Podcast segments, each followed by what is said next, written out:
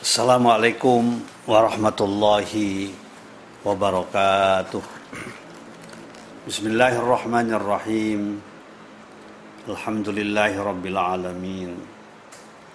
Wassalatu wassalamu ala ashrafil anbiya wal mursalin. Sayyidina Muhammadin wa ala alihi wa sahbihi ajma'in. Wala haula wala quwata illa billahil aliyyil azim.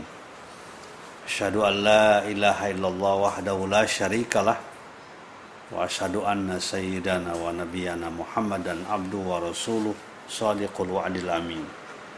Allahumma fassalli wa sallim wa barik ala sayyidina Muhammad wa ala alihi wa ashabil kiram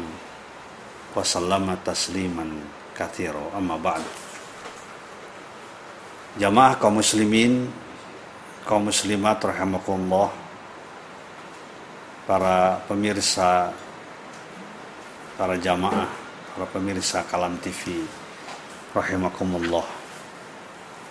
Alhamdulillah kita bersyukur kepada Allah Subhanahu wa taala kembali kita dapat bersilaturahim dalam kajian rutin setiap ahad pagi. Hari ini tanggal 11 Syawal 1442 Hijriah bertepatan dengan 23 Mei 2021. Setelah kita semuanya melaksanakan Idul Fitri. Tentu saja di awal pertemuan pagi ini saya ingin menyampaikan ucapan minal aidin wal faizin. Taqabbalallah bina winkum taqabbal ya karim. Kullu amin wa antum bi khairin. Minal aidin semoga kita termasuk ke dalam kelompok orang-orang yang kembali. Kembali kepada fitrah kembali kepada agama kembali pada kesucian kembali kepada tauhid. Kalau kita kembali kepada tauhid pada keimanan pada kesucian kepada fitrah maka insya Allah akan termasuk kelompok wal faizin kelompok orang-orang yang akan mendapatkan keberhasilan, kesuksesan, dan kebahagiaan dunia dan akhirat. Jadi satu kesatuan tuh minal aidin wal faizin. Ibarat hayya ala sholah, hayya ala falah. Tidak mungkin kita akan mendapatkan al falah tanpa kita melaksanakan sholat. Dan pagi hari ini insya Allah kita meneruskan kajian kita tafsir Al-Quran surat Ghafir ayat 40 ya surat Ghafir surat ke-40 ayat 21 sampai dengan ayat ke-25 silakan para jamaah membuka semuanya Al-Qur'annya surat Ghafir surat ke-40 ayat 21 sampai dengan ayat 25 insyaallah mari kita mulai dengan membaca umul kitab Al-Fatihah أعوذ بالله من الشيطان الرجيم. بسم الله الرحمن الرحيم. الحمد لله رب العالمين. الرحمن الرحيم. مالك يوم الدين. إياك نعبد وإياك نستعين. اهدنا الصراط المستقيم. صراط الذين أنعمت عليهم غير المغضوب عليهم ولا الضالين. آمين. بسم الله الرحمن الرحيم. أولم يسيروا في الأرض فينظروا كيف كان عاقبة الذين كانوا من قبلهم ۖ؟ كانوا هم أشد منهم قوة وأثارا في الأرض فأخذهم الله فأخذهم الله بذنوبهم وما كان لهم من الله من واق. ذلك بأنهم كانت تأتيهم رسلهم بالبينات فكفروا فكفروا فأخذهم الله. إنه قوي شديد العقاب. ولقد أرسلنا موسى بآياتنا وسلطان مبين إلى فرعون وهامان وقارون وقالوا ساهر كذاب. فلما جاءهم بالحق من عندنا قالوا اقتلوا أبناء الذين آمنوا معه واستحيوا نساءهم وما كيد الكافرين إلا في ضلال صدق الله العظيم Bismillahirrahmanirrahim. Awalam yasiru apakah mereka tidak melakukan perjalanan fil di muka bumi mempelajari sejarah ya fayanduru maka mereka akan melihat kayfakana akibatul ladzina kanu min qablihim. Bagaimana akibat dari orang-orang yang berada sebelum mereka yang hidup sebelum mereka. Kanu hum asyadu quwatan mereka lebih hebat kekuatannya. Wa atharon fil ardi dan lebih kuat bekas-bekas peninggalannya Fa'akhadahunallah bidhunubi maka Allah mengadab mereka dengan sebab dosa yang mereka lakukan. Wa ma kana lahum minallahi dan tidak ada bagi mereka selain Allah para penolong. Dalika yang demikian itu mereka mendapatkan azab bi'annahum karena sungguhnya mereka kanat statihim rusulum bil bayinat adalah para rasul mereka membawa keterangan-keterangan, penjelasan-penjelasan. faru maka mereka mengingkarinya. Mereka menolaknya. Fakhudahumullah maka menyiksa kepada mereka Allah. Innahu sungguhnya Allah qawiyun zat yang maha kuat, syadidul iqab yang amat dahsyat siksanya. Walaqad arsalna Musa bi ayatina dan sungguh kami telah mengutus Nabi Musa membawa ayat-ayat kami. Wasultani mubin. Dan penjelasan-penjelasan yang nyata yang bisa difahami. Ila fir'auna pada fir'aun wa hamana dan haman wa qaruna dan qarun. Faqalu maka mereka mengatakan sahirun kadzab Musa itu adalah tukang sihir yang amat pendusta.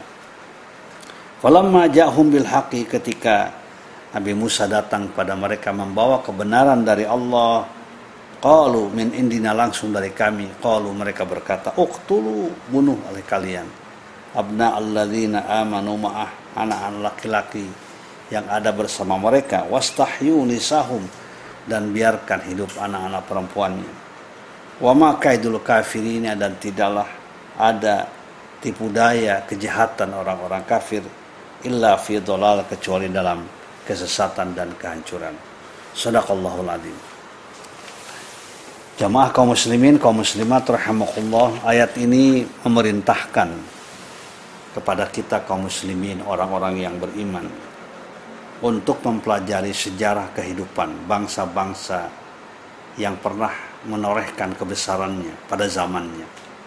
Umat yang pernah menghasilkan karya-karya yang besar, bangunan-bangunan yang sangat monumental, infrastruktur yang sangat monumental, seperti Fir'aun, kaum Samud, dan kemudian kaum-kaum yang lain.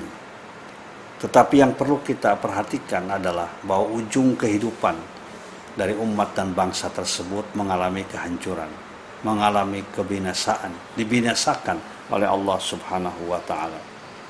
Dibinasakan, diadab oleh Allah Subhanahu wa taala dan tentu Al-Quran menyuruh kepada kita untuk mempelajarinya. Karena semua kehidupan manusia peristiwa-peristiwa besar yang terjadi dalam kehidupan manusia itu merupakan sunnatullah fil haya ketetapan Allah dalam kehidupan. Artinya akan terjadi pengulangan-pengulangan. Terjadi pengulangan dari satu masa pada masa yang lain. Ketika terjadi sebabnya maka akibatnya akan sama siapa yang melakukan kejahatan, sekuat apa pun bangsa itu dan negara itu, sehebat apa pun bala tentara yang mereka miliki, ujungnya adalah kehancuran yang akan mereka rasakan. Kehancuran dan dihancurkan oleh Allah Subhanahu wa taala. Kenapa sampai mereka itu bangsa yang besar itu hancur dan dihancurkan oleh Allah Subhanahu wa taala? karena mereka memiliki sifat sombong dan takabur yang luar biasa. Sombong dan takabur yang menyebabkan mereka menjadi bangsa yang kufur kepada Allah. Bangsa yang maksiat, yang menolak kebenaran dari Allah melalui para rasulnya. Bahkan tidak segan-segan mereka mengatakan kepada para rasulnya, sahirun kadzab. Rasul itu adalah tukang sihir yang banyak mendustakan, yang menjadi pendusta yang luar biasa ingin merubah kalian, membawa kalian pada agama agama yang mereka bawa untuk meninggalkan agama nenek moyang mereka. Sahirun kadzab. Itulah yang sikap-sikap yang disampaikan yang diberikan kepada para nabi oleh umat dan bangsa yang kemudian menjadi umat yang hancur. Sombong atau takabur itu artinya adalah batarul haq ya, menolak kebenaran. Aba wastakbaro, dia menolak kebenaran dari Allah dan kemudian menjadi orang yang sombong. Wa kana minal kafirin termasuk ke dalam kelompok orang-orang yang kafir. Yang menarik para jamaah sekalian, pada ayat yang kita baca tadi, ya surat Ghafir ayat uh, apa? ayat 24 ya. 23 24 bahwa Allah Subhanahu wa taala mengutus ya pada mengutus Nabi Musa pada kaumnya yang dimunculkan tiga, tiga kelompok, tiga orang. Ila Fir'auna wa Hamana wa Qarun. Fir'aun, Haman dan Qarun. Mereka adalah tokoh-tokoh besar ya, tokoh-tokoh besar di bidang kejahatan yang dimunculkan untuk menjadi pelajaran buat kita. Jangan sampai kita seperti mereka. Pertama Fir'aun. Fir'aun itu adalah seorang penguasa yang ingin menguasai kehidupan umat manusia secara absolut, secara mutlak. Tidak boleh ada orang atau rakyatnya, masyarakat yang menyembah kepada Allah Subhanahu wa taala. Harus menyembah kepada mereka. Makanya Firaun kemudian mengikrarkan dirinya sebagai Tuhan yang patut disembah. Ana rabbukumul a'la. Aku adalah Tuhan kalian yang maha tinggi. Al-a'la istilahnya, maha tinggi. Itu Firaun. Dan untuk mempertahankan kekuasaannya kita melihat bagaimana berbagai macam cara yang dilakukan oleh Firaun. Di antaranya cara yang keji dilakukan oleh Firaun, penguasa yang dolim, yang ingin melanggengkan kekuasaannya. Pertama adalah dengan membunuh, membunuh rakyatnya sendiri, membunuh generasi muda, memburu bayi-bayi laki-laki. Jangan sampai bayi laki ini tumbuh berkembang menjadi pemimpin yang baik yang mengalahkan Firaun. Dibunuhlah. Uqtulu abda alladzina amanu ma'ah. Ya. Dan yang kedua, yang ini yang selalu terjadi pada penguasa-penguasa zalim, yaitu mengadu domba akan antara sesama rakyatnya. Antara satu kelompok dengan kelompok yang lain dibuat pertentangan, ya, untuk dinikmati oleh penguasa itu sehingga rakyat sesama rakyat lemah, tidak punya daya, tidak punya kekuatan, ya, sehingga seolah-olah dialah yang mengendalikan segala-galanya. Itu terjadi pada Firaun. Digambarkan oleh Allah Subhanahu wa taala pada surat Al-Qasas ya, surat ke-28. Kalau kita lihat dalam surat Al-Qasas 28 itu bahwa salah satu strategi dan taktik keji ya yang dilakukan oleh Firaun dan timnya ya dan rezimnya Firaun dan rezimnya itu adalah mengadu domba antara sesama kelompok masyarakat satu dengan yang lainnya. Masyarakat itu bukan disejahterakan, ya, bukan disejahterakan kehidupannya, ekonominya, kemudian juga pendidikannya, demikian pula yang lainnya kehidupannya. Tetapi malah diadu domba satu dengan yang lain. Inna fir'auna ala fil ardi. Sungguhnya Fir'aun itu ala fil ardi dia adalah penguasa yang zalim yang sombong di muka bumi. Waja'ala ahla syi'an nah ini ya. Dan menjadikan penduduk sendiri, rakyat sendiri syi'an. Berkelompok-kelompok. Ya, jadi bukan orang lain, bukan rakyat yang lain, tapi rakyatnya sendiri. Waja'ala ahla syi'an. Ya, saling ber, berkelompok satu dengan yang lainnya, berbeda-beda. Yastad'ifu ta'ifatan minhum. Dilemahkan sekelompok sekelompok rakyatnya ya tentu terutama rakyat-rakyat yang yang punya daya kritis ya untuk menghadapi mereka yastanifu ta'ifatan minhum dilemahkan wa yudabbihu abna'ahum ya dibunuh ya anak laki-lakinya. Wa istahyi nisahum dan kemudian dihidupkan dibiarkan anak-anak perempuannya. Innahu kana minal mufsidin. Firaun itu termasuk ke dalam kelompok penguasa yang membuat kerusakan di dunia. Ya kerusakan secara fisik maupun juga secara non fisik kerusakan pada moral pada akhlak. Dan kalau sudah dia menjadi tokoh yang merusak maka tidak banyak harapan kepada pemimpin dan penguasa itu ini yang pertama. Kenapa disebut sering disebut Firaun itu? Ilah Firaun pada Firaun. Yang kedua adalah Wahamana. Wahamana itu adalah pembantunya, perdana menterinya yang dekat dengan lingkaran kekuasaan, ya, yang mengatur kebijakan-kebijakan. Ini namanya adalah Haman. Orang pinter, orang cerdas Haman itu, ya. Tetapi karena memang kecerdasannya tidak dipergunakan untuk memberikan saran nasihat kepada Firaun, untuk mensejahterakan masyarakatnya, tetapi dia membuat kebijakan-kebijakan yang justru dianggap menguntungkan Firaun. Dan ketika terjadi pembantu-pembantu yang semacam ini di lingkaran kekuasaan, maka akan merusak kehidupan bangsa dan negara itu. Hanya tinggal menunggu saja kehancurannya. Ya. Di dalam sebuah hadis diungkapkan oleh Rasulullah Sallallahu Alaihi Wasallam. Saya kira ini perlu kita kita renungkan ya ayat-ayat ini yang sangat luar biasa. Rasulullah bersabda, "Idza aradallahu bil amili khairan ja'ala lahu wazira sidkin." Apabila Allah bermaksud pada seorang penguasa khairan kebaikan, melahirkan kesejahteraan masyarakatnya, ja'ala lahu wazira sidkin. Maka Allah menempatkan pembantunya sidkin, pembantu yang jujur, yang amanah. Bagaimana karakternya Wazir Siddiqin ini? Innasya dzakarahu. Apabila penguasa itu lupa, maka diingatkan. Wa in anahu dan jika ingat pada kebaikan untuk meningkatkan kesejahteraan masyarakatnya anahu, dia menolongnya, mengingatkan dan menolong. Itulah pembantu yang baik. Ya, orang-orang yang ada di lingkaran kekuasaan memberikan kebaikan kepada penguasa itu sehingga selamat penguasa itu kalau lupa, dia melakukan kesalahan diingatkan. Tapi kalau misalnya dia ingat melakukan kebaikan, dibantu, ditolong, diperkuat posisinya. Tetapi sebaliknya wa idza aradallahu bihi ghairu dzalika kalau Allah bermaksud yang lain, kerusakan, ya kehancuran pemimpin itu, kebinasaan umat itu, bangsa itu, ja'alalahu wazira su'in. Maka Allah menempatkan wazirnya pembantunya itu su'in orang yang buruk.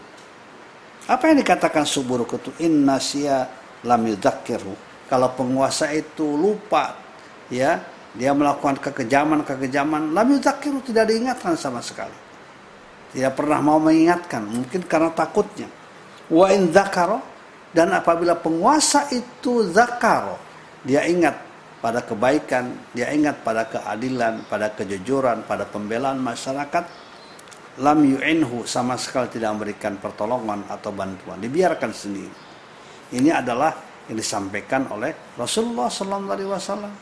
Seperti terjadi pada Haman tadi, dia sama sekali tidak mengingatkan, tidak memberikan bantuan, tidak menolong, tidak menasehati Firaun, bahkan membuat kebijakan-kebijakan yang justru menguatkan posisi kezaliman dari Firaun. Dan kemudian yang ketiga, Korun. Korun itu adalah seorang tokoh yang punya kekayaan yang luar biasa. Digambarkan di dalam Al-Quran surat Al-Qasas ya, ayat 70 bahwa kekayaannya itu jangankan kekayaannya, kunci-kunci gudangnya saja tidak bisa dibawa oleh orang-orang yang banyak. Ya, ini menggambarkan betapa banyak kekayaan yang dimilikinya. Tetapi kekayaan yang dimilikinya bukan untuk di buat apa?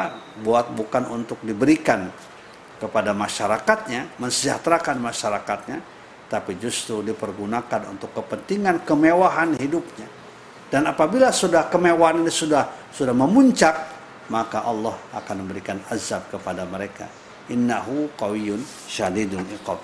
Inilah beberapa pelajaran yang berharga ya Kenapa disebutkan Korun? Kenapa disebutkan Haman? Ya, kenapa disebutkan Firaun? Tapi sekuat apa pun sebuah rezim ya yang didukung oleh kekuasaan, didukung oleh dana yang besar, didukung oleh orang-orang ya. Tapi kalau tidak punya komitmen moral, tidak punya punya komitmen akhlak, tidak berpihak pada kebenaran, tidak berpihak pada kejujuran, tidak berpihak pada kesejahteraan, tidak untuk mensejahterakan masyarakatnya, tidak dipergunakan kekuasaan sebagai sarana ibadah kepada Allah Subhanahu wa taala, ujungnya adalah dia akan mengalami kehancuran. Awalam yasiru fil ardi fayaduru kaifa kana aqibatul ladina min qablihim kanu asyadda minhum quwwatan wa atharan fil ardi. Ya. Kenapa kalian tidak mempelajari sejarah, melakukan perjalanan secara intelektual perjalanan di sini?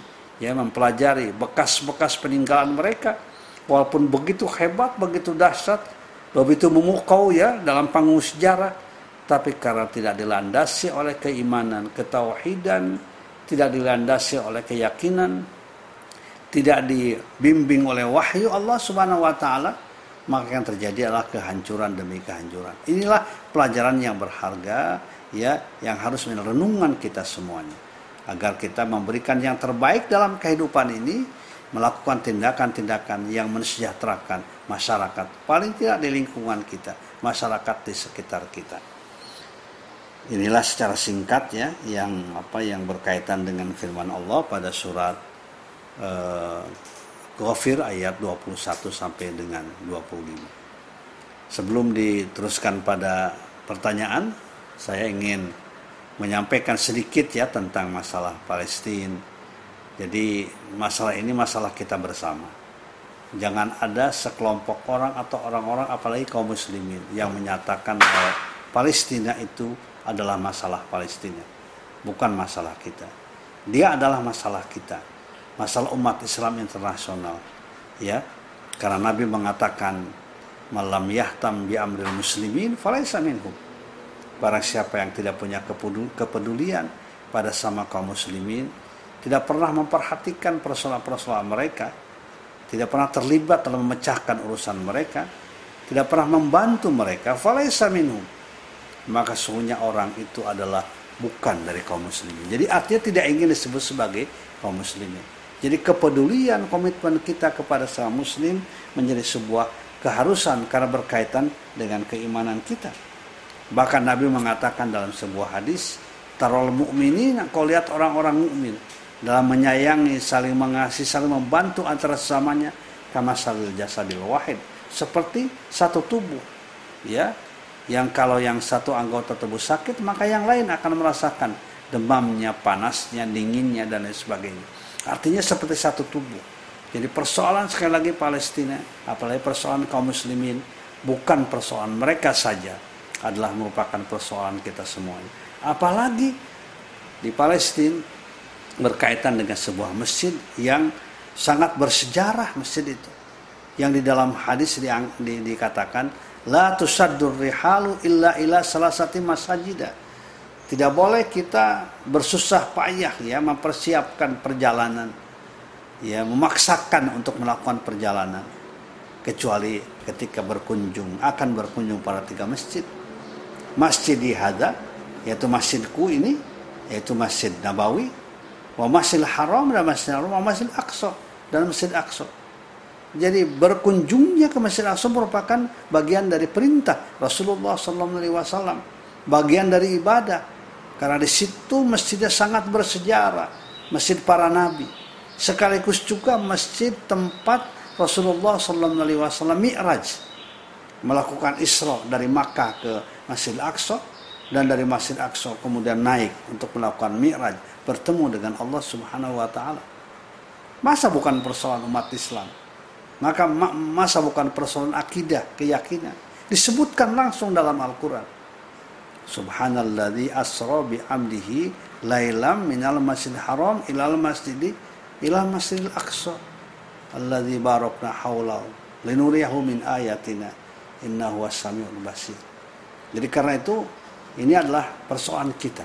Kita wajib membantu mereka, menolongnya, mendoakannya, memberikan donasi bantuan.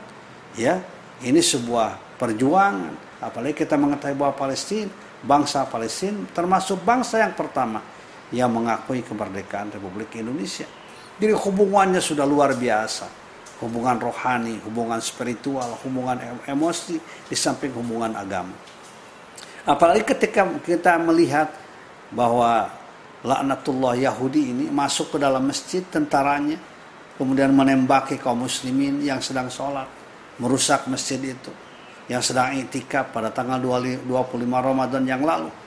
Ya, merusak masjid itu bagian dari kedaliman yang luar biasa di dalam Al-Quran disebutkan itu surat Al-Baqarah 114. Ya, Al-Baqarah 114 itu itu adalah sebuah kezaliman menjelaskan paling zalim. Ya, waman adlamu mimman mana'a masajidallah ayyudhkara fi hasmuhu wa sa'a fi kharabiha. Ulaika ma kana lahum ayyadkhuluha illa khaifin. Lahum fid dunya khizyun wa lahum fil akhirati adzabun adzim. Ya, tidak ada yang lebih. Ada yang paling zolim. Orang yang mencegah orang lain masuk ke masjid untuk berzikir, untuk sholat, untuk ibadah. Wasa'afi kharabiha. Dan dia berbuat di muka bumi, masuk ke masjid, pakai sepatu segala macam. Fi kharabiha. Ya, dalam menghancurkan masjid itu. Ya, mereka sebenarnya tidak masuk ke masjid kecuali khaifin dalam keadaan khawatir dan takut yang luar biasa. Jadi kalau kita lihat dalam video-video betapa orang-orang Israel Yahudi itu sangat penakut wajar memang disebutkan dalam Al-Qur'an. Ya. Karena siapa yang yang yang apa? Yang zalim itu pasti penakut. Illa khaifin tidak masuk kecuali dalam keadaan takut. Lahum fid dunya Di dunia akan mendapatkan kehinaan, akan dikutuk oleh umat manusia yang yang yang punya akal sehat, ya punya hati nurani bahwa perbuatannya perbuatan yang sangat biadab, perbuatan-perbuatan yang sangat kejam. Ya, kalau secara konstitusi bertentangan dengan konstitusi kita, dengan mukaddamah Undang-Undang Dasar 45 dan lain sebagainya. Ya, dengan tujuan hidup kita, misi hidup kita. Ya, membebaskan sebuah bangsa dari belenggu penjajah. Lahum fid dunya khizyun wa lahum fil akhirati adzabun adzim dan mereka di akhirat akan mendapatkan adab yang sangat dasar. Oleh karena itu, paling tidak kita mendoakan mereka. Ketika kita berdoa, apakah dengan kunut nasilah atau atau kita berdoa masing-masing atau doa bersama, ya masukkan ke dalam hati kita. Ini persoalan kita. Ya jangan kita biasa soal berkata jangan ah jangan ngurus yang lain ya cukup, cukup urus sendiri saja. Ya banyak juga tetangga kita. Betul ya memang. Tetapi juga persoalan umat di mana pun lah persoalan kita. Sebagai bukti bahwa umat Islam itu di mana pun juga ya berada di daerah mana pun di negara mana pun ketika menghadapi berbagai macam persoalan itu sungguhnya persoalan kita semuanya. Innamal mu'minuna ikhwatun. Sungguhnya mukmin itu adalah saudara semuanya satu dengan yang lainnya fa aslihu baina akhwaikum wattaqullaha la'allakum turhamun maka buatlah kemaslahatan di antara mereka kebaikan ya kemaslahatan kebaikan di antara mereka di antara kita la'allakum turhamun agar kita termasuk ke dalam kelompok orang-orang yang akan mendapatkan rahmat dan pertolongan dari Allah Subhanahu wa taala. Wallahu a'lam. Ada pertanyaan? Bismillahirrahmanirrahim. Pertama, Pak Sufyan Kutir. Assalamualaikum Pak Kiai. Mohon uh, mau tanya, baiknya baca surat Tabarok dan Waqiah pagi hari sesudah sholat subuh atau habis maghrib. Mohon pencerahannya, pencerahannya. Syukran Pak Kiai. Iya bagus ya, bagus membaca surat itu. Bahkan ada beberapa surat yang dianjurkan ya. Itu bisa, eh, yang penting satu hari, satu malam itu minimal satu kali. Jadi boleh dibaca pada maghrib, pada subuh, atau kapan saja kita ada waktunya. Ya, membaca surat Al-Mulk, surat Tabarok, dan membaca surat Al-Waqi'ah maupun juga tujuh surat ya, jumlahnya tujuh surat ya. Ada Al-Waqi'ah, Al-Mulk, Yasin, Hamim kemudian Ar-Rahman ya. E, e, kemudian bisa juga Al-Mudassir, Al-Muzammil ya jadi kapan saja kita punya waktu di antara 24 jam waktu itu yang memungkinkan kita membaca Quran secara tartil, secara baik silakan lakukan ya apakah pada subuh sebelum subuh pada maghrib ya sebelum maghrib atau sudah isya silakan Berikutnya dari Ibu Komariah Ahmad. Assalamualaikum Pak Kiai. Waalaikumsalam. Kapan ajal kaum Yahudi berdasarkan Al-Quran dan hadis? Seperti halnya Allah hancurkan kaum terdahulu yang ingkar. Ya, se- se- sebenarnya sekarang juga sudah kelihatan ya kehancurannya. Karena Yahudi Zionis itu kan termasuk eh, hampir semua tafsir ya di dalam ketika kita membaca ujung surat eh, Al-Fatihah. Bayangkan Al-Fatihah yang kita baca setiap kali sholat ya minimal 17 kali kita baca sehari semalam itu ayat yang terakhir ghairil maghdubi alaihim kita ingin mendapatkan nikmat dari Allah ya ihdinas mustaqim jalan yang lurus yaitu jalan orang-orang yang engkau berikan nikmat kepada mereka syuhada solihin para nabi bukan jalan orang-orang yang dimurkai Siapa Al-Maghdub itu? Al-Maghdub itu adalah Al-Yahud. Semua, ya. Kenapa? Karena perilakunya sangat buruk. Kita melihat kemarin saja hari Jumat ya. Hari Jumat itu kita mengetahui dalam suasana sudah ada gencatan senjata, tapi kemudian mereka membuatkan pengkhianatan, pengkhianatan, ya. Kembali terjadi penyerangan di depan Masjid Aqsa. Ya. Jadi sebenarnya mereka juga menjadi bangsa yang yang yang apa yang dikutuk oleh Allah Subhanahu wa taala karena perilakunya membunuh para nabi dan lain sebagainya. Dan mereka adalah troublemaker dalam kehidupan dunia ini. Ya, troublemaker ya. Jadi selalu membuat masalah dalam kehidupan ini.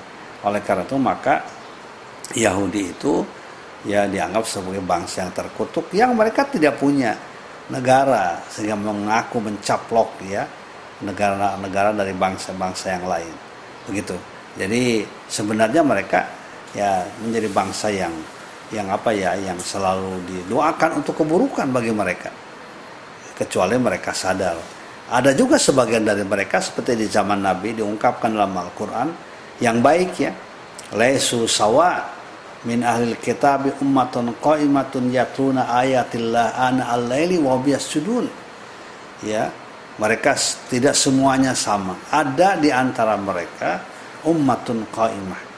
Umat yang tegak ya yatuna kita membaca Quran. Ya, melaksanakan sholat, melaksanakan amar ma'ruf nahi munkar. Contohnya yang terkenal di zaman Nabi adalah Abdullah bin Salam. Berikutnya dari Pak M. Najib Suwarno, cintanya Pak Kiai terkait topik dan penjelasan yang disampaikan. Berarti Yahudi cepat dan lambat akan hancur karena memenuhi syarat untuk hancur. Mohon nasihat. Iya, kita yakin begitu ya. Kita yakin Yahudi itu dari setiap kelompok yang batil, ya yang sombong, yang takabur, ujungnya adalah hancur. Ya, cuman ada yang hancur secara bertahap, ya, ada yang hancur sekaligus. Kalau zaman dulu rata-rata hancurnya sekaligus. Tapi kalau sekarang kan kehancurannya bertahap, dijadikan sebagai pelajaran sejarah buat kita semuanya.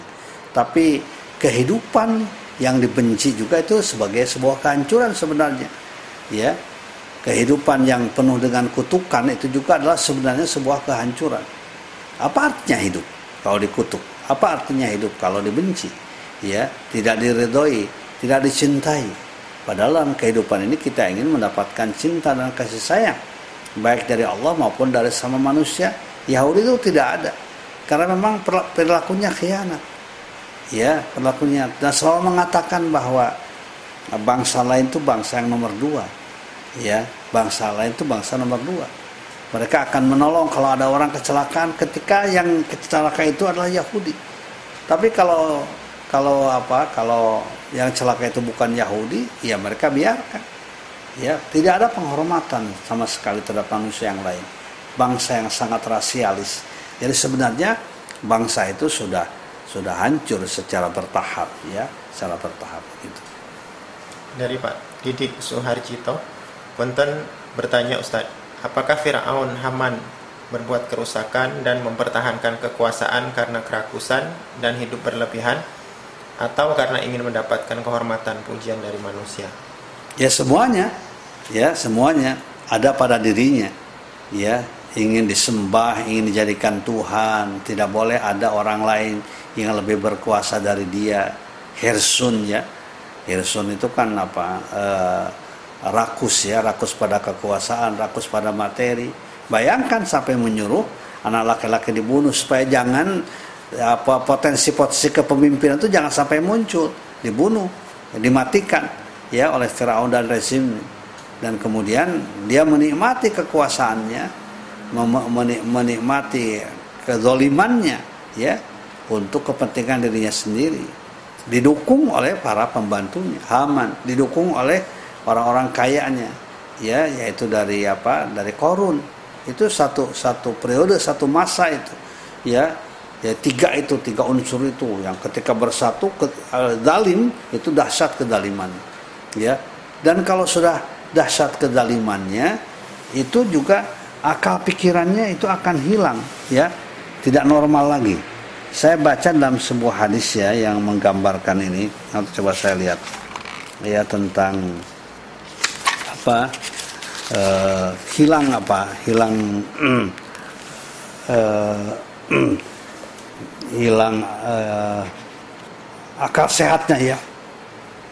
Ini di dalam sebuah hadis diungkapkan begini. Ini saya juga sampai terkejut ya membaca hadis ini yang harus harus menjadi kita perhatian buat kita. Idza aradallahu in qada idza aradallahu infadha qada'ihi wa qadarihi salaba dzawil uquli uqulahum hatta yanfud yanfuda fihim qadahu wa qadaruh. Kalau Allah bermaksud akan menghancurkan suatu bangsa, melaksanakan ketentuannya qada dan qadar Allah, salaba dawil ukuli ukulahum. Maka akan ditarik tuh ya pikiran-pikiran orang yang seharusnya berpikir sehingga tidak berpikir lagi. Jadi menjadi bodoh semuanya. Ya, karena dikendalikan rezim tadi menjadi bodoh ya sehingga dalam kondisi semuanya orang-orang pinternya yang harus berpikir kritis memberikan saran memberikan nasihat itu adalah kemudian menjadi hilang ya kesadarannya maka di situlah akan terjadi ketentuan dan kepastian dari Allah Subhanahu wa taala. Oleh karena itu maka kita harus terus menerus ya mengasah ketajaman pikiran kita, hati kita. Ya tetap kita harus melaksanakan kegiatan dakwah amar ma'ruf nahi munkar. Karena itulah yang akan menyelamatkan.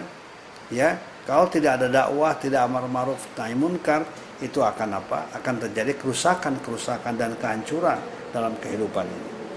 Allah ini Pak Diki Firgantara Assalamualaikum Pak Kiai mau tanya dan kekuatan yang dipunyai Israel membunuh umat Islam khususnya di Palestina tapi penguasa negeri muslim hanya sedikit sedikit saja yang perhatian. Apakah tanda kehancuran Israel masih lama? Allah alam ya tentu saja kita berharap tanda kehancurannya. Tapi sebenarnya sekarang juga sudah sudah hancur ya.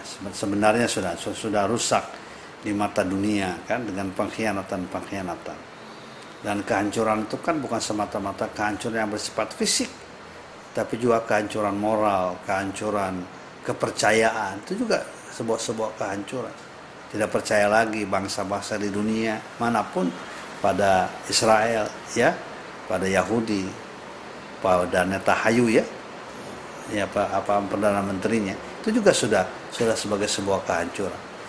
Jadi kita sekarang yang penting begini. Yang penting kita adalah terus menerus ikut mendoakan masyarakat muslim yang ada di Palestina supaya mereka diberikan kesabaran diberikan kekuatan dan kita juga memberikan bantuan. Serta kita ikut terlibat memberikan opini yang baik. Bahwa ini persoalan kita persoalan keumatan. Jangan opini itu kemudian dibangun sedemikian rupa bahwa inilah persoalan-persoalan yang berkaitan hanya dengan kepentingan mereka bukan kepentingan umat Islam secara internasional secara menyeluruh itu juga hal yang hal yang penting ya memberikan opini-opini yang baik terhadap eksistensi dan keberadaan dari bangsa Palestina dari Ibu Yuli Kurnia. Assalamualaikum Pak Ustadz. Apakah betul barang siapa yang mempersulit urusan orang lain maka Allah akan mempersulit urusannya di dunia dan akhirat.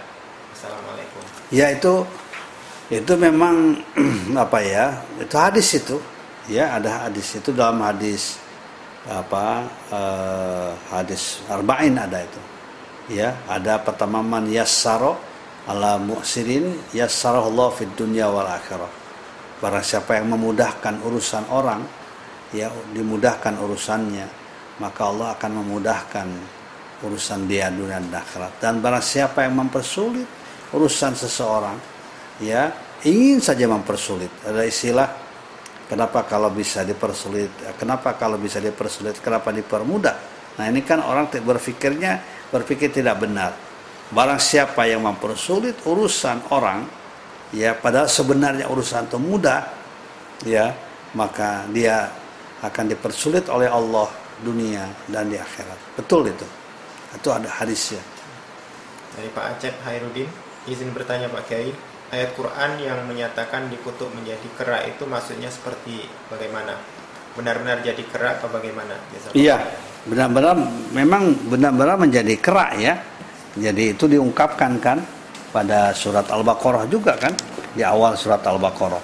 Dan ini adalah salah satu bentuk dari azab Allah yang terjadi pada kaum yang dulu ya jadi apa kaum yang dulu itu kan kau diazab ya sekaligus. Walaqad alimtumul ladzina tadaw minkum fis sabti.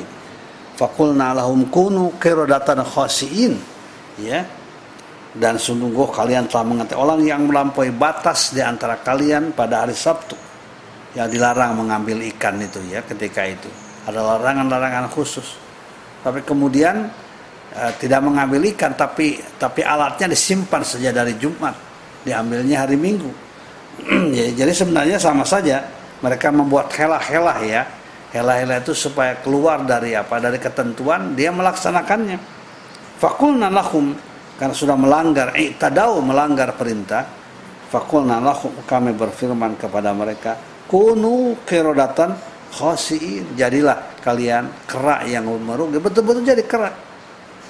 Faja'alnaha nakala lima baina yadayha wa ma khalfa wa ma idzatan lil muttaqin. Kami jadikan peristiwa itu sebagai contoh bagi umat-umat yang akan datang dan nasihat buat orang yang bertakwa. Dalam tafsir itu diungkapkan setelah mereka jadi kera kemudian mereka mati ya tidak lama setelah itu. Ini menggambarkan azab yang langsung diberikan pada kaum dahulu yang melanggar aturan ya dan melanggar ketentuan dari Allah Subhanahu secara langsung.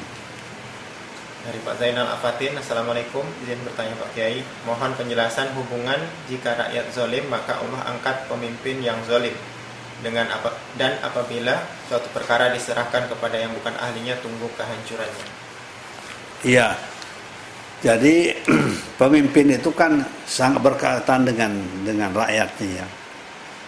Jadi kalau rakyatnya memang rakyat yang cerdas, yang pintar, yang baik, kecenderungan lahir pemimpin yang baik itu wajar saya kira. Tapi kalau rakyatnya masa bodoh, tidak punya kepedulian pada masalah kepemimpinan, nanti lahir juga pemimpin yang masa bodoh. Kadang-kala pemimpin yang dolim, karena masyarakatnya diam. Ya, oleh karena itu masyarakat kita harus menjadi masyarakat yang cerdas, ya, yang jujur, yang amanah, yang kritis, supaya lahir pemimpin yang jujur, yang amanah, yang kritis jangan sebaliknya kemudian baru yang kedua apa kalau diserahkan urusan ya betul itu itu memang memang itu ada hadis ya Idza wusidal amru ila ghairi ahli pantadrisa. Apabila sesuatu urusan ya diserahkan bukan pada ahlinya, pantadrisa, maka tunggulah saat kehancuran. Urusan apa pun juga. Apalagi urusan kepemimpinan, ya urusan apa pun juga ya urusan hal yang kecil pekerjaan yang kecil. Membangun rumah bukan oleh ahlinya ya akan rusak. Tidak akan pernah jadi. Menjahit baju kita bukan bukan pada tukang penjahit. Ya itu akan apa? Akan rusak. Tidak akan jadi baju. Mungkin jadi jadi kaos nanti ya. Demikian pula yang lain. Jadi serahkan sesuatu pada ahlinya. Ketika orang melakukan satu dia punya ilmu yang berkaitan dengan itu. Ya Ekonomi serahkan pada ahlinya.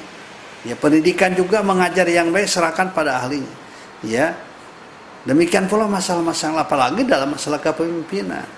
Harus memang orang-orang yang memang punya komitmen sebagai pemimpin, punya keahlian sebagai mem, sebagai pemimpin untuk melakukan intinya pemimpin itu kan melakukan tindakan-tindakan yang berkaitan dengan kesejahteraan masyarakat yang dipimpinnya itulah pemimpin ya jadi pemimpin itu bukan sekedar penguasa, bukan, tapi orang-orang yang berkhidmat pada masyarakat untuk kepentingan masyarakat.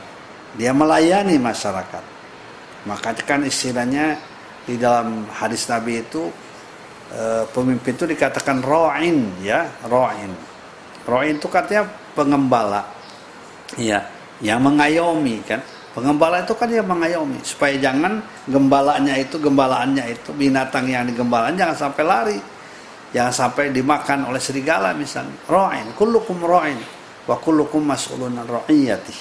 Ya kalian semuanya ro'in, pemimpin, pelayan, pengembala dan kalian akan ditanya, dipertanggungjawabkan dari kepemimpinan, dari pengembalaannya itu. Begitu. Dari Pak Eri Saptari Akhir. Assalamualaikum warahmatullahi wabarakatuh Pak Kiai. Waalaikumsalam.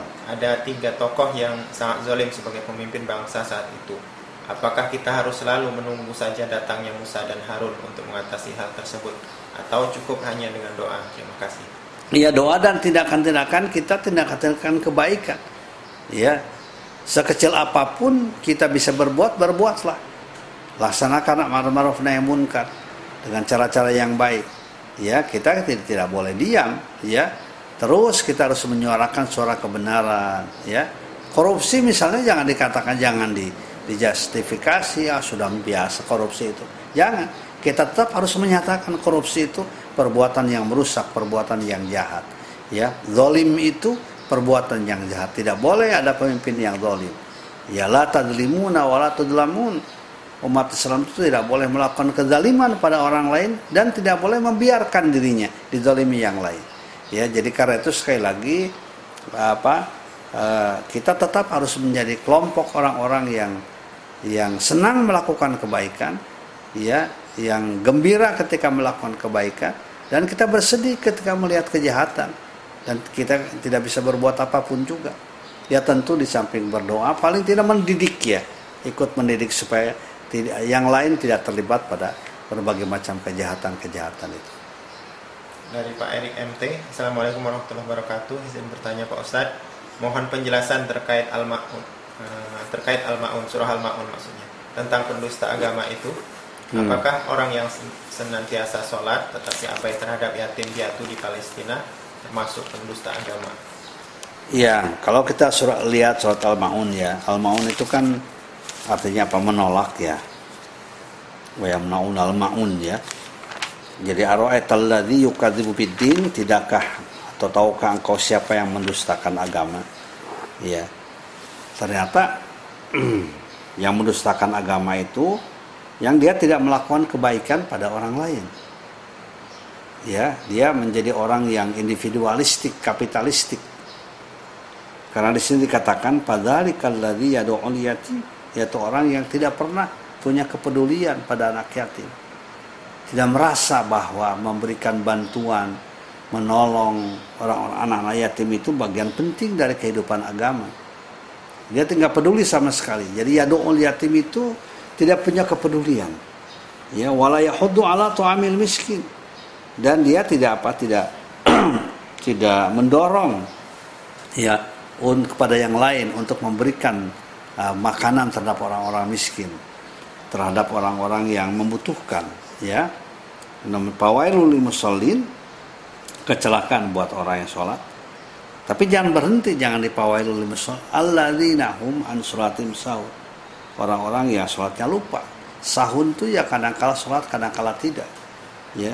Alladzina hum yura'un. Orang-orang munafik kan ini. Yang mereka sholatnya karena ria, karena yang dipandang. Wa yamna'un al ma'un. Dan mereka tidak pernah memberikan bantuan, mencegah bahkan. Ya pada siapa saja yang dia tahu. Tetangganya, tetangga dekat, tetangga jauh, saudaranya demikian pula yang lainnya. Termasuk juga kalau dia mencegah ya mencegah uh, memberikan donasi bantuan terhadap kaum muslimin ya di apa yang yang ada di luar ya misalnya di Palestina. Malah kita melarangnya bukan menyuruhnya. Itu bisa saja masuk ke sini. Karena kita tidak punya kepedulian terhadap kaum muslimin yang menderita. Kaum muslimin yang punya masalah yang punya problem oleh karena itu sekali lagi bersihkan hati kita ya kuatkan keyakinan kita bahwa persoalan umat Islam di mana pun juga ada persoalan kita semuanya. Dua pertanyaan terkait Yahudi dari Pak Isep Amas. Assalamualaikum, maaf Pak Haji, kalau Yahudi bisa ditafsirkan sebagai salah satu sifat buruk, atau sebagai sebuah ras manusia? Dan berdosakah kita menyebut nah, dari Pak Pungut Suryadi, berdosakah kita menyebut Yahudi sebagai Israel, sedangkan Israel sebutan untuk Nabi Yakub? Syukran. Ya, Israel itu memang Nabi Yakub ya. Tapi juga eh, Israel itu juga ditujukan pada sebuah bangsa. Ya. Jadi ada dua tuh kata-kata Israel itu maksudnya. Ada Nabi Yakub sendiri dan itu disebutkan di dalam Al-Qur'an. Tapi juga dia menjadi apa? e, menjadi satu satu satu bangsa dengan karakter tertentu ya. Jadi kalau menurut saya sih tidak salah ya orang mengatakan bahwa laknatullah Israel. Itu maksudnya adalah bukan pada nabi itu. Akan tetapi adalah pada bangsa ya state ya bangsa yang yang apa yang yang yang yang, yang jahat. Seperti Yahudi. Zionis Israel Zionis Yahudi. Karena Zionis Israel Zionis Yahudi kan tidak pernah ridho pada umat Islam ya walan tardoan kal yahudu walan nasara hatta tattabi'a millatahum. Nah di sini ya eh, tentang Israel itu kullu ta'ami kana halal li bani Israel illa ma harrama Israilu ala nafsi. Ya, ya kecuali uh, setiap makanan dihalalkan pada bani Israel kecuali apa yang diharamkan oleh Israel pada dirinya. Israel itu ya Nabi Yakub. Ya di sini Nabi Yakub tetapi juga Israel sering diartikan sebagai sebuah bangsa, bangsa Israel. Jadi kalau kita maksudnya terkutuk bangsa Israel ya bukan bukan pada nabi, tetapi pada bangsanya. Ya, pada bangsanya, pada kelakuannya, kelakuan buruknya. Yahudi itu kan yang identik dengan Israel banyak sekali ungkapkan ya kelakuan-kelakuan buruknya ya. Pertama misalnya hasadan. Ya, hasud dengki itu sewatak mereka kemudian menentang ya. Menentang apa aturan Allah. Kemudian juga meribakan jadi meribakan itu pekerjaan Yahudi. Demikian pula hal-hal yang membunuh ya. Membunuh para nabi membunuh para dai ya. Yang melaksanakan amar ma'ruf nahi munkar dan lain sebagainya. Dua pertanyaan tentang pemimpin mungkin digabung. Dari Ibu Yasmin pertanyaannya kalau sudah kadung seperti saat ini yang banyak kita pandang pemimpin tidak berpihak dan tidak cinta kepada rakyatnya dari Ibu Rina Budiati ada ayat tentang taat pada ulil amri apakah masih sesuai untuk kondisi sekarang? Iya uh, memang kita ini harus menjadi bahan pemikiran ke depan ya bahwa uh, pemimpin itu memang harus dilahirkan dari keluarga-keluarga muslim yang baik karena itu maka dalam surat eh, apa Al-Furqan ya ayat 74 kan sudah ditukan kan ya. Sudah diungkapkan bahwa ciri dari dari ibadur rahman itu selalu berdoa memohon kepada Allah. Ya agar mendapatkan Rabbana hablana min azwajina wa dzurriyyatina qurrata ayun waj'alna lil muttaqina imama. Jadi masalah kepemimpinan yang baik itu adalah sudah menjadi doa kita sebenarnya, ya doa dari keluarga kita, dari anak keturunan kita.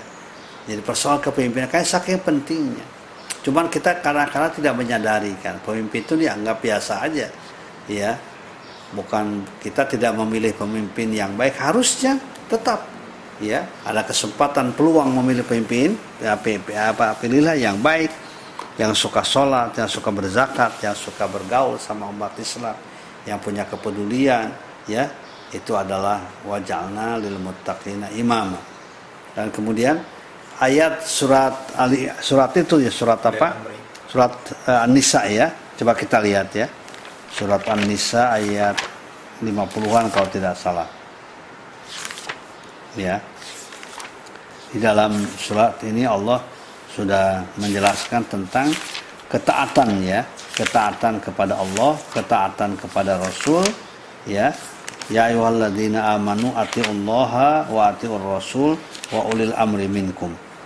Itu surat uh, An-Nisa ayat 59. Wahai orang-orang yang beriman, taatlah kepada Allah dan taatlah kepada Rasul.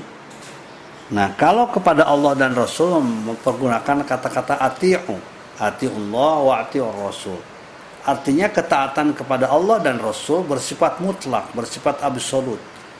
Ya, apakah dalam kondisi senang atau tidak ya perintah Allah harus kita lakukan perintah Rasul kita lakukan Jadi ketaatannya tanpa reserve.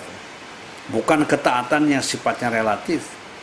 Ketaatan yang sifatnya absolut. Karena menggunakan kata-kata ati Allah wa ati Rasul.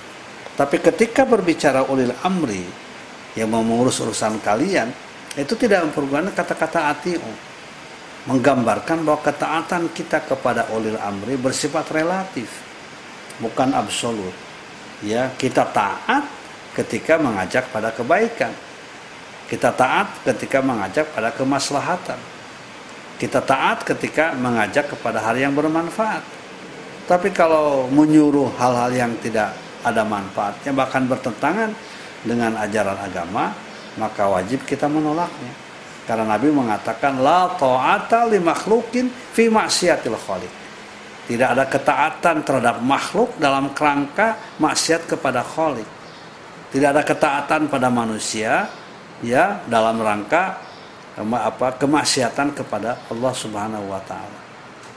Ya, di dunia ini orang yang paling kita hormati wajib kita kan orang tua ya. Orang tua itu adalah apa sosok ya yang harus kita hormati, kita cintai, ya. Nah, tetapi ketika orang tua sendiri mengajak kepada hal yang tidak baik, maka tentu kita diperintahkan untuk menghormatinya, tetapi kita dilarang untuk mengikutinya. Bayangkan, ya. Apalagi juga para pemimpin, kalau kita wajib hormat, tetapi kalau mengajak kepada hal yang bertentangan dengan agama, tidak boleh kita ikuti. Ya, Nah, coba kita lihat ya. Surat surat Luqman ini ayat 15. Orang tentang orang tua ini ini eh, kita kita apa ya? Kita kaitkan ya, kita kiaskan. Wa in jahadaka ala an tusyrika bi ma laisa bi ilmun fala tutihuma. Apabila kedua orang tua Anda mengajak musyrik kepada Anda, memusyrikkan Allah, menserikatkan Allah dengan yang lain, fala tutihuma maka jangan diikuti. Orang tua yang wajib diikuti, dihormati, dilarang diikuti ketika mengajak pada sesuatu yang bertentangan. Apalagi kalau orang lain, termasuk pemimpin. Tidak boleh kita mengikuti ajakan-ajakan yang bertentangan dengan ajaran agama. Tapi wasohib huma fit dunia ma'rufah. Tetap pergauli dengan baik di dunia ini. Dari Ibu Rita Rozen, Yarfianti. Saat mau tanya, ada yang bilang masyarakat Eh, masyarakat kita masih banyak yang susah, butuh bantuan. Nah, butuh bantuan juga. Kenapa malah memikirkan dan membantu Palestina? Iya, ta ya tadi ya, tadi saya sudah jelaskan. Berpikirnya jangan begitu ya, jangan berpikir. Jadi kita nanti kalau berpikir begitu tidak pernah kita apa mendapat mau memberikan bantuan kepada saudara-saudara kita yang lain hanya karena beda negara. Pada masalahnya berat, ya. Sementara mereka pun juga apa ketika bangsa kita mengalami kesulitan memberikan berbagai macam bantuan. Coba ketika gempa ya, ya saya alami sendiri ketika tsunami di Aceh itu kan luar biasa. Ya bantuan dari berbagai macam negara. Mereka juga bukan karena kelebihan, tapi karena komitmen sosial. Ya eh, nuraninya mereka yang mendorong untuk memberikan bantuan kepada setiap bangsa yang mendapatkan musibah. Demikian pula kita. Nurani kita rasanya kok apa ya keterlaluan kalau kita membiarkan bangsa Palestina dikejar-kejar, dibunuh, kemudian kita diam. Mereka butuh obat-obatan, ya mereka butuh apa uh, konsumsi makanan, ya pakaian dan lain sebagainya. Rasanya kok tidak punya nurani kalau kita membiarkan. Jadi jangan dipertentangkan itu, jangan dipertentangkan. Ya, ketika kita mau mau apa e, memberi ya jangan dipertentangkan dengan tetangga dekat kita ya gitu dari Ibu Siti Dewi uh, Nur Hayati. Assalamualaikum Pak Kiai. Mohon izin bertanya bagaimana sebaiknya sikap kita dalam kondisi di bawah pemerintah yang zalim? Iya kita tetap ya melaksanakan kita uh, kewajiban kita sebagai muslim ya. Tetap kita melaksanakan sholat kita melaksanakan kewajiban kita ya. Kemudian juga melakukan kegiatan dakwah terus harus kita lakukan ya uh, apa berdoa memohon kekuatan, kesabaran, keikhlasan kepada Allah Subhanahu wa taala. Kita tetap punya kewajiban. Wal mu'minuna wal mu'minatu ba'duhum awliya'u ba'din ya'muruna bil ma'ruf wa yanhauna 'anil munkar wa yuqimuna as-salata wa yutuna az-zakata wa yuti'una Allah wa rasulah. Kalau kita ingin mendapatkan rahmat dari Allah Subhanahu wa taala, maka kita harus saling bantu membantu sama muslim, saling dukung mendukung dalam berbagai macam kegiatan. Kegiatan ibadah, kegiatan muamalah, ya. Kemudian kegiatan amar ma'ruf nahi munkar kita lakukan terus. Apa yang bisa kita lakukan, lakukan. Ya. Itu artinya itu surat At-Taubah 71 ya yang menjelaskan tentang kita tetap harus punya komitmen untuk melaksanakan ketentuan Allah Subhanahu dalam segala situasi dan kondisi. Pak M Rasya Aufar. Assalamualaikum. Mohon izin bertanya, apa hukumnya buat seorang bapak yang lalai bahkan tidak mendidik anaknya dalam hal agama dan pendidikan dunia? Terima kasih. Ya dosa nanti bertanggung jawab di akhirat di hadapan Allah. Ya, karena men, apa mendidik itu kewajiban orang tua mendidik agama, mendidik akhlak itu kewajiban orang tua, bukan kewajiban yang lain. Bapak Ibu sekalian, kalau kita memasukkan anak-anak kita ke TK, kemudian ke TK Islam, ya, kemudian kita apa yakin bahwa di TK Islam anak kita mendapatkan pendidikan pendidikan yang baik, itu jangan merasa bahwa Bapak Ibu sudah selesai tugasnya tidak. Karena tugas utama itu adalah kewajiban orang tua Kullu mauludi yuladu alal fitrah. Setiap anak yang dilahirkan dalam keadaan fitrah. Dalam keadaan suci, beriman, bertauhid. Fa'abawahu. Nah itu ya. Fa'abawahu. Tergantung pada kedua orang tuanya. Apakah akan menjadikan Yahudi, Nasrani, atau Majusi. Jadi tetap dia punya kewajiban. Dan itu akan dipertanggungjawabkan di hadapan Allah Subhanahu wa taala. Dari Pak Saifuddin, mungkin terakhir ini bagaimana menyikapi situasi berbagai kepentingan politik ideologi sementara sebagian dari mereka memusuhi kepentingan Islam ya ya kita berpihak pada orang yang mencintai Islam saja gitu ya sudah jelas-jelas mencintai Islam. Kita berpihak ke situ. Kita berwala ke situ kedapat sama muslim pemimpin muslim pemimpin yang baik. Dan kita yakin akan selalu ada pemimpin yang baik itu akan selalu ada. Ya kita ber, ber apa berwala mendukung ya pemimpin-pemimpin yang baik insya Allah akan selalu ada. Kita harus tetap optimis ya dalam kehidupan. Tidak tidak boleh pesimis. Selama kita berbuat selama kita beribadah selama kita juga terlibat dalam kegiatan baik ya untuk kepentingan apa masyarakat kita maka insya Allah Allah akan memberikan jalan keluar dalam setiap persoalan yang kita hadapi jadi jangan jangan apa jangan soal Allah tidak ada jalan keluar kita yakin akan selalu ada apa jalan keluar yang diberikan oleh Allah. Wa may yattaqillaha yaj'al lahu makhraja. Barang siapa yang bertakwa kepada Allah yaj'al lahu makhraja. Ya, maka Allah akan menjadikan buatnya makhraja. Makhraj, ya makharij, jalan keluar dari persoalan-persoalan yang dihadapi. Dan kita tidak boleh berputus asa dalam dalam memandang kehidupan ini. Kehidupannya kecil ya. Ya, kita harus tetap optimis dan yakin bahwa Allah akan selalu memberikan pertolongan kepada hambanya. Itu janji Allah. Asalkan kita benar-benar melaksanakan ketentuannya. Wallahu a'lam bishawab. Sudah selesai. Mari jamaah sekalian mudah-mudahan bermanfaat dan kita selalu diberikan kesehatan oleh Allah Subhanahu wa taala jasmani dan rohani ya kita tetap istiqomah ya dalam kebaikan dalam iman dan amal soleh dan mudah-mudahan mendapatkan ilmu yang berkah yang bermanfaat. Insya Allah kita ketemu lagi pada hari ahad yang akan datang. Insya Allah. Mari kita akhiri dengan membaca doa kifat majelis.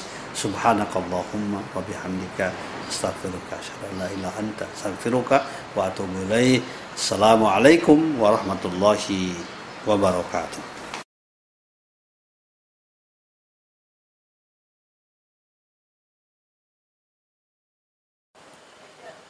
Assalamualaikum warahmatullahi wabarakatuh. Bismillah, Alhamdulillah. Wassalatu wassalamu ala rasulillah wa ala alihi wa sahbihi wa mawalah. Masjid bagi kaum muslimin adalah tempat yang paling strategis, paling penting dalam kehidupan umat. Kita bisa melaksanakan sholat berjamaah, kita bisa melaksanakan kajian-kajian keislaman, mempersatukan umat, membangun ukhuwah Islamiyah. Oleh karena itu maka setiap masjid harus kita dukung baik pembangunan secara fisik maupun juga kegiatan-kegiatannya. Masjid di tempat saya berdiri sekarang adalah Masjid Al-Hijri 2, kampus UIK Bogor, yang sekarang sedang mengalami terus-menerus peningkatan pembangunannya. Karena itu saya mengajak kepada saudara-saudara kaum muslimin, kaum muslimat, di mana pun Anda berada, untuk ikut berpartisipasi memberikan sebagian dananya, harta yang dimilikinya, termasuk doanya agar masjid Al-Hijri 2 ini segera bisa diselesaikan dengan baik. Semoga Allah Subhanahu wa taala membalas amal ibadah saudara sekalian dan akan memberikan pila nanti di rumah di surga Allah Subhanahu wa taala. Amin ya rabbal alamin. Assalamualaikum warahmatullahi wabarakatuh.